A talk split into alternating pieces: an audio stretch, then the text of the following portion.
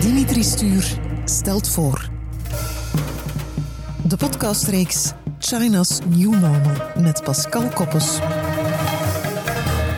Het gaat razendsnel. Wat gebeurt daar allemaal in China? Wordt de invloed van dat land steeds groter? Is er een nieuwe wereldmacht in de maak? Heel mystiek toch? Als ik China hoor, denk ik aan Alibaba, camera's en robots. Voor het overige is het voor mij allemaal Chinees. En nee, we hebben het niet over Chinese draken. China's New Normal.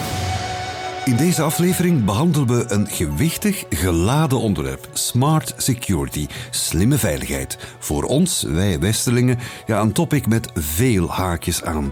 Zeker als het gaat om privacy. Er is ook het sociaal kredietsysteem in China dat onze wenkbrauwen doet fronsen. En last but not least, ik denk ook aan defensie, nationale veiligheid, want het militaire onderdeel gaat uiteraard ook mee in dit hoofdstuk smart security. En dan eh, zie ik dingen voor mij zoals 5G geavanceerde technologieën ook als eh, quantum computing, artificiële intelligentie.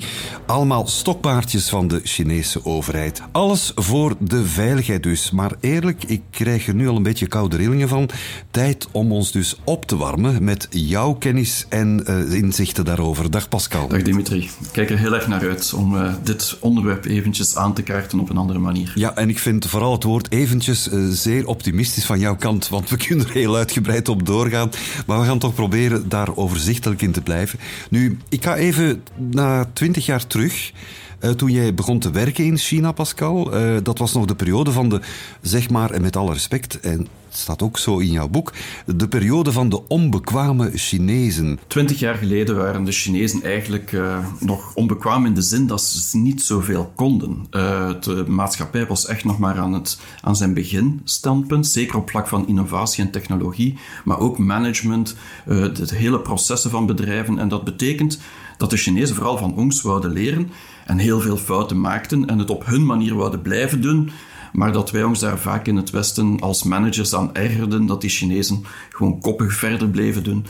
En dus ja, daarmee bekeken wij ze vaak als onbekwaam op dat moment. Maar het, het, is wel vandaag helemaal anders geworden. De rollen, zullen we maar zeggen, zijn compleet omgekeerd. Hè? Laat ons zeggen dat de Chinezen in de laatste twintig jaar enorm veel geleerd hebben van ons. En dus ook de goede dingen van hoe dat je eigenlijk uh, innovatie moet gaan doen en hoe je heel vlug kunt gaan, beter management.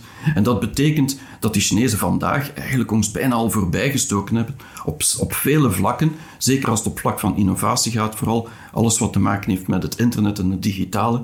Dan zie je heel, heel sterk dat die Chinezen gewoon ja, een, een, stapje verder zijn al dan, dan wij. Ja, en dan komen we uit bij, je liet het al ontvallen eigenlijk, bij software. En dan kijk ik even naar onze kant, de westerse kant. Wij hebben wel wat last van hoogmoed. Hè? Ik bedoel, we denken toch altijd superieur te zijn. En de Chinezen, och ja, laat ze maar komen. Ja, dat is iets vreemd. En dat was twintig jaar geleden ook al zo. Maar wij, wij hebben echt wel het gevoel dat innovatie en creativiteit vooral uit het Westen komt omdat wij die vrijheden hebben om eigenlijk te denken, uh, onbezonnen eigenlijk alles te mogen doen. En daardoor denken wij dat wij eigenlijk betere innovatoren zijn of beter uh, creatief kunnen, kunnen uh, eigenlijk dingen maken. En dat is niet altijd zo, want de sociale omgeving van China leidt ook tot heel veel uh, speciale situaties waar innovatie en creativiteit zeker aan te pas komt. En, en dat zien we niet altijd. Ja, en wat we waarschijnlijk ook wat onderschatten is de, de Chinese wilskracht om te winnen hè, in dit verhaal. Ja, ik denk dat, dat uh, innovatie en, en, de vooruitgang dat dat heel veel facetten nodig heeft. En de passie, de doorzettingsvermogen, uh, wilskracht die de Chinezen hebben, uh, die, die geven gewoon niet op. En dat zie je heel duidelijk aan een bedrijf zoals Huawei. Er is geen enkel bedrijf in de wereld die, die zo onder vuur ligt. En toch blijven die doorgaan, blijven die doorgaan. Er is echt een, een, een soort gevecht in henzelf van wij moeten overleven, wij moeten verder. En, en dat gecombineerd met passie, is natuurlijk een, een, een, interessante cocktail. Ja, en die interessante cocktail is eigenlijk meteen de opwarming, want nu gaan we er volledig in ons onderdompelen. Pascal, we vertoeven in de vierde industriële revolutie. Ik som even op: robotica, AI, IoT, 3D-printen, nanotech, biotech, quantum computing, blockchain, autonome wagens. Sorry Pascal, ik moet even op adem komen. Ehm, smart security voor commerciële doeleinden. Maar ook, en dat wil ik meteen aansnijden, dubbelgebruik verdraait interessant voor militaire objectieven ook. Hè? Dat is zeker zo. En volgens mij is de grote verandering die we nu zien in de vierde industriële revolutie het feit dat in het verleden het vaak militaire applicaties waren die voorliepen op het commerciële en dat dat nu omgedraaid is. En dus dat alle commerciële applicaties, zoals smart cities, zoals artificial intelligence met gezichtsherkenning en zo verder, dat die eigenlijk data vergaren en daardoor algoritmes slimmer maken en daardoor ook bruikbaar kunnen worden voor militaire doeleinden. En dus ja, het is dubbel gebruik, maar het vreemde is dat vroeger was het militaire die het commerciële aanstuurde. Nu begint dat omgekeerd te worden. En dan moet je kijken naar de economische macht van China. Is het ook toch wel uh, wat je nu allemaal vertelt? Ja, kunnen we het interpreteren als een kantelmoment, die hele industriële evolutie of revolutie? Met andere woorden, er zijn misschien wel nieuwe militaire machtsverhoudingen aan de gang. Ja, die zijn er heel zeker. En ik denk dat we nu echt van een bipolaire wereld kunnen spreken waar China door zijn economische macht, maar ook zijn uh, militair apparaat vandaag, eigenlijk de, het grootste leger heeft, toch, of intelligent leger zou je kunnen zeggen, na Amerika. En dus krijg je een heel sterke nieuwe verhouding die wij niet gewoon zijn in het Westen en die ons echt wel heel veel schrik aanjaagt. En de vraag is natuurlijk, wat betekent dat allemaal? En dat zijn de grote vragen waar iedereen nu mee zit.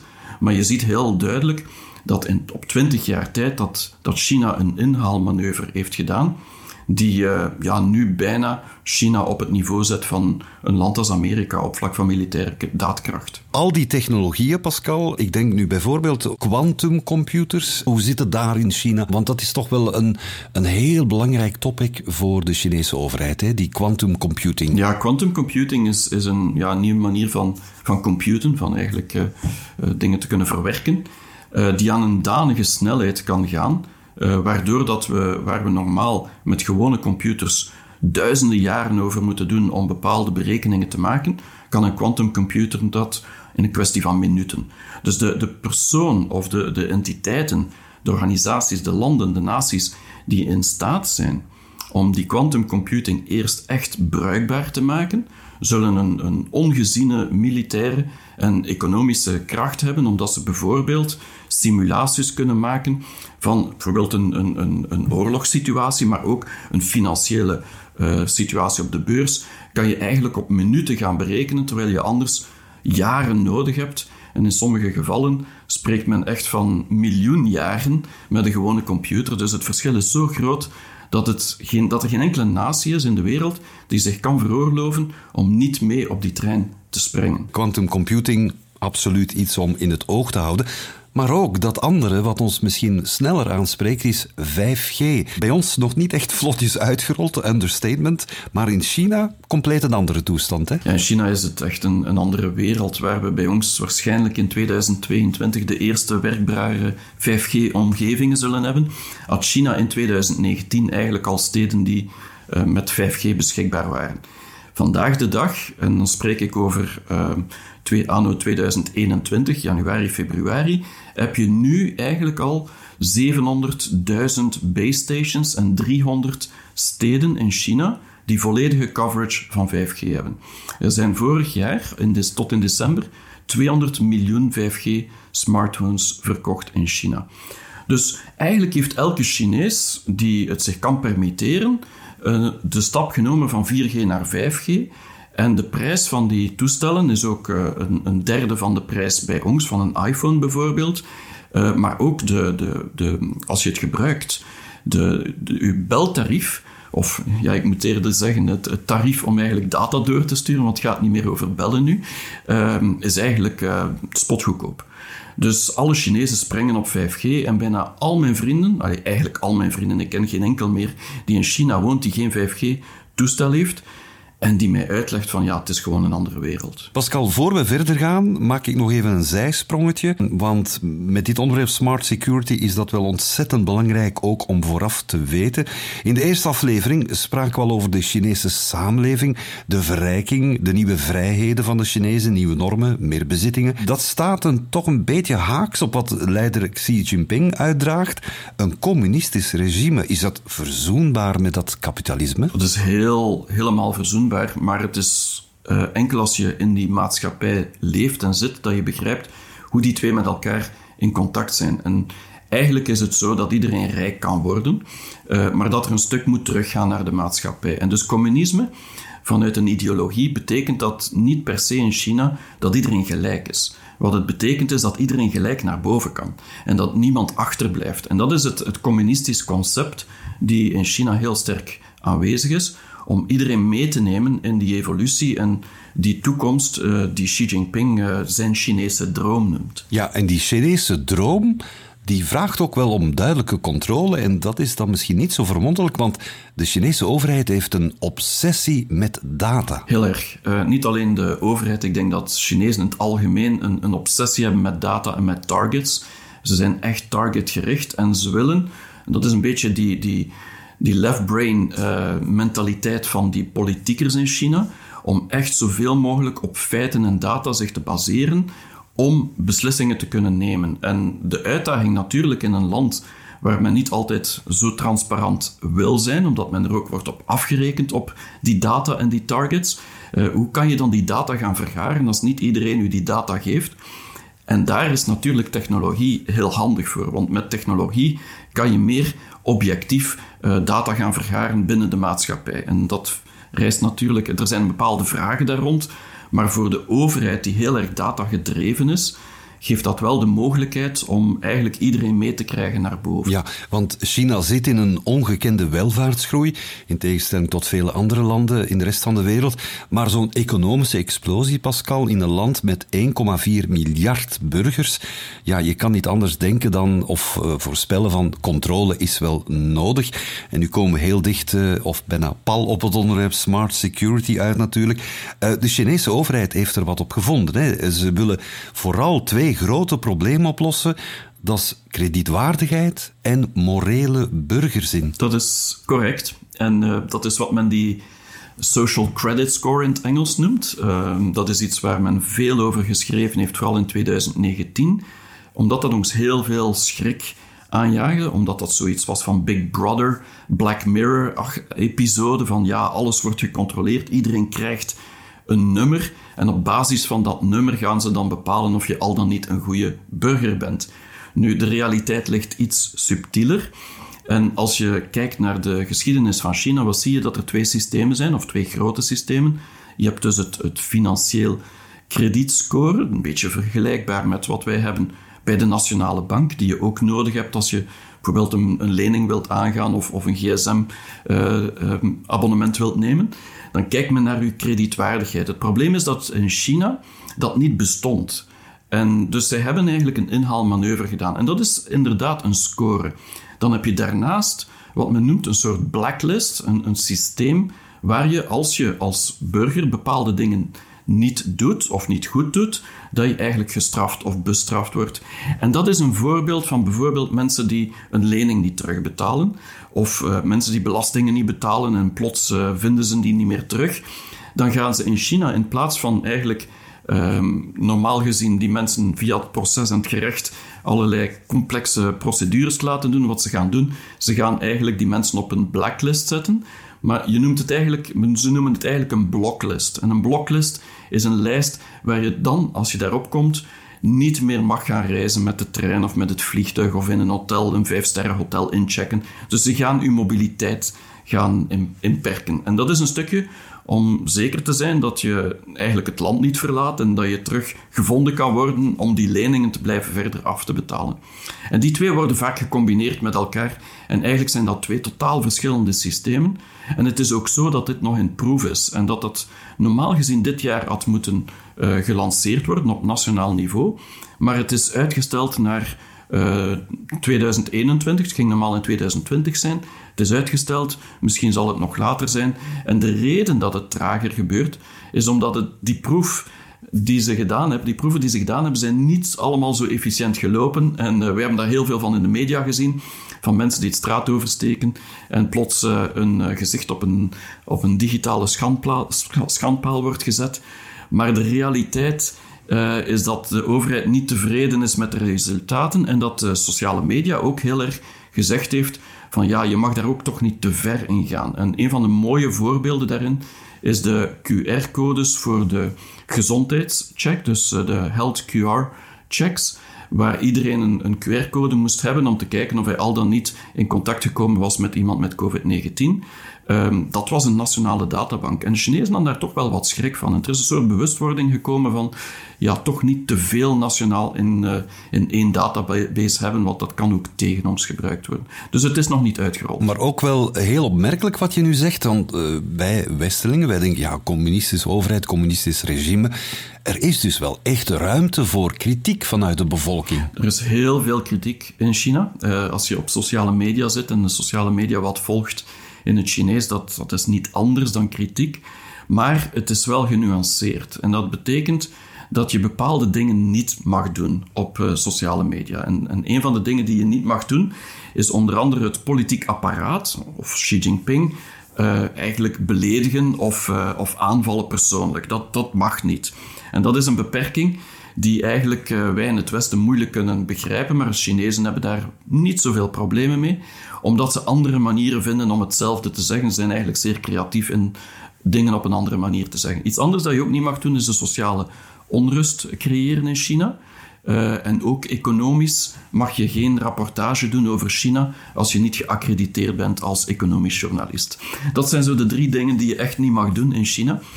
En daarnaast uh, is het wel zo dat als iemand iets verkeerd doet, bijvoorbeeld de overheid, dat kan, meestal is dat de lokale overheid, als die iets verkeerd doet, dat die sociale media direct zegt van dit kan niet.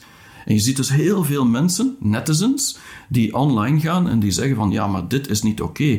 Dit meisje is berecht geweest op die manier en eigenlijk kunnen wij daar niet mee leven. En dan zie je honderden duizenden mensen die online komen en die daar allemaal iets over zeggen. En dan voel je dat de overheid daar heel vlug op reageert.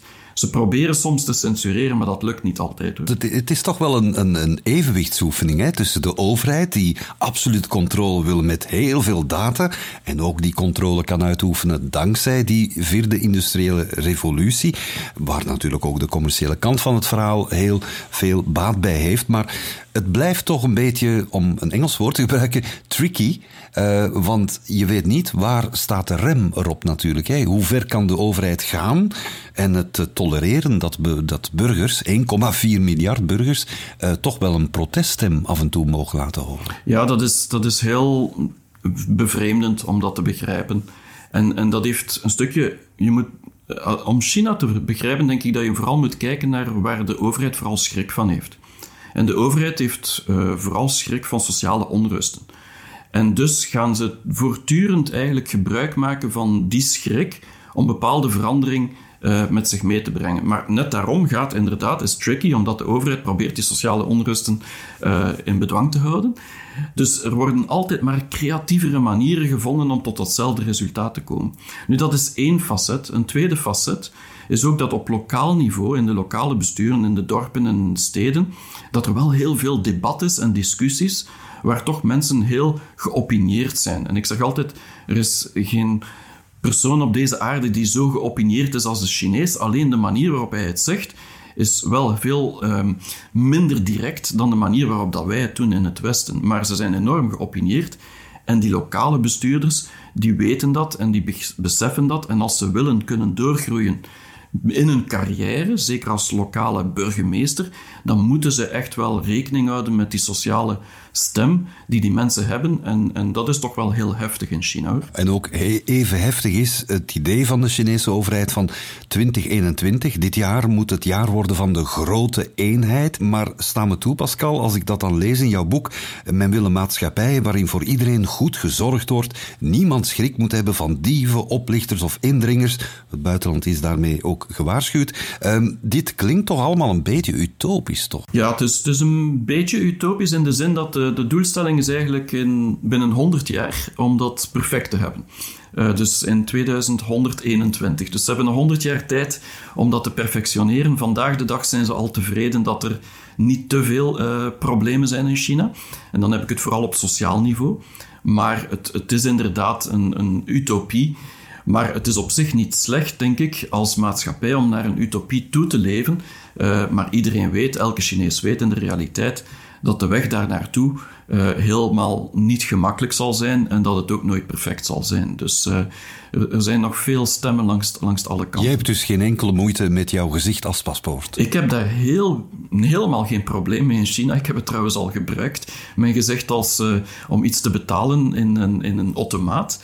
Ik heb daar geen enkel probleem mee, omdat ja, ik uh, doe dat hier ook in Zaventem. Als ik uh, door de gate ga uh, om, de vlieger, om het vliegtuig te nemen, dan, dan, dan toon ik ook mijn gezicht en mijn paspoort en ga ik er ook zo vlugger door. Het is gewoon heel convenient. Uiteindelijk de overheid heeft toch mijn gezicht ergens in een database. Dus mij maakt dat niet uit als zij weten dat ik een vliegtuig neem of dat ik een, een, een flesje water koop in een automaat. Alles went wel tenslotte en als we er voordeel bij hebben, dan liggen we er ook niet langer meer wakker van. Um, in onze volgende aflevering, Pascal, van deze podcastreeks, aflevering 3, dan halen we het onderwerp smart media en entertainment boven. En ik moet zeggen, spek naar mijn bek, Pascal, media, media, als ik dat hoor. Uh, we gaan het dan vooral hebben over de machtsverhouding uh, tussen de Chinese digitale generatie, de controlerende overheid en de hele machtige technologiebedrijven, zoals onder meer uh, Tencent. Uh, dat is, als ik me niet vergis, de Chinese tegenhanger van Facebook in het Westen bij ons. Ja, hè? Tencent is, ik zou zeggen dat Facebook vanuit een innovatiestandpunt het kleine broertje is van Tencent. Oké, okay. maar zoals Chinezen zijn, zijn wij dat ook, nieuwsgierig. En jij zeker, Pascal. media en entertainment. En bij dat laatste hoort vanaf aflevering 3 dus iets extra's voortaan. Uh, we gaan met uh, onder het mom van een het grote voorzichtigheidsprincipe uh, telkens wat Chinese woorden leren, tenminste buzzwords. Know-how klinkt ook al Chinees, maar is het niet. Maar wij gaan een stapje verder, zodat jij als luisteraar wat indruk kunt maken over jouw Chinese taalkennis, volledig up-to-date. Pascal, kun je eens een paar voorbeelden geven als smaakmaker tegen de volgende aflevering? Ik zal tegen de volgende aflevering een aantal bedenken die ik vaak gebruik, maar de meest courante die ik in het dagelijks leven in China gebruik, is bijvoorbeeld Tea of uh, Bangfa of uh, Mama. Dat zijn zo de typische woorden die je voortdurend hoort, dus uh, misschien kunnen we daarmee beginnen. Ja, dat laatste trouwens klinkt toch bij mij eerder Afrikaans in horen, maar goed, ik moet er nog diepel bij halen nu, Pascal, om te begrijpen wat je net zei, maar vanaf aflevering 3 zal dat niet meer nodig zijn. Tot de volgende, Pascal. Tot volgende week.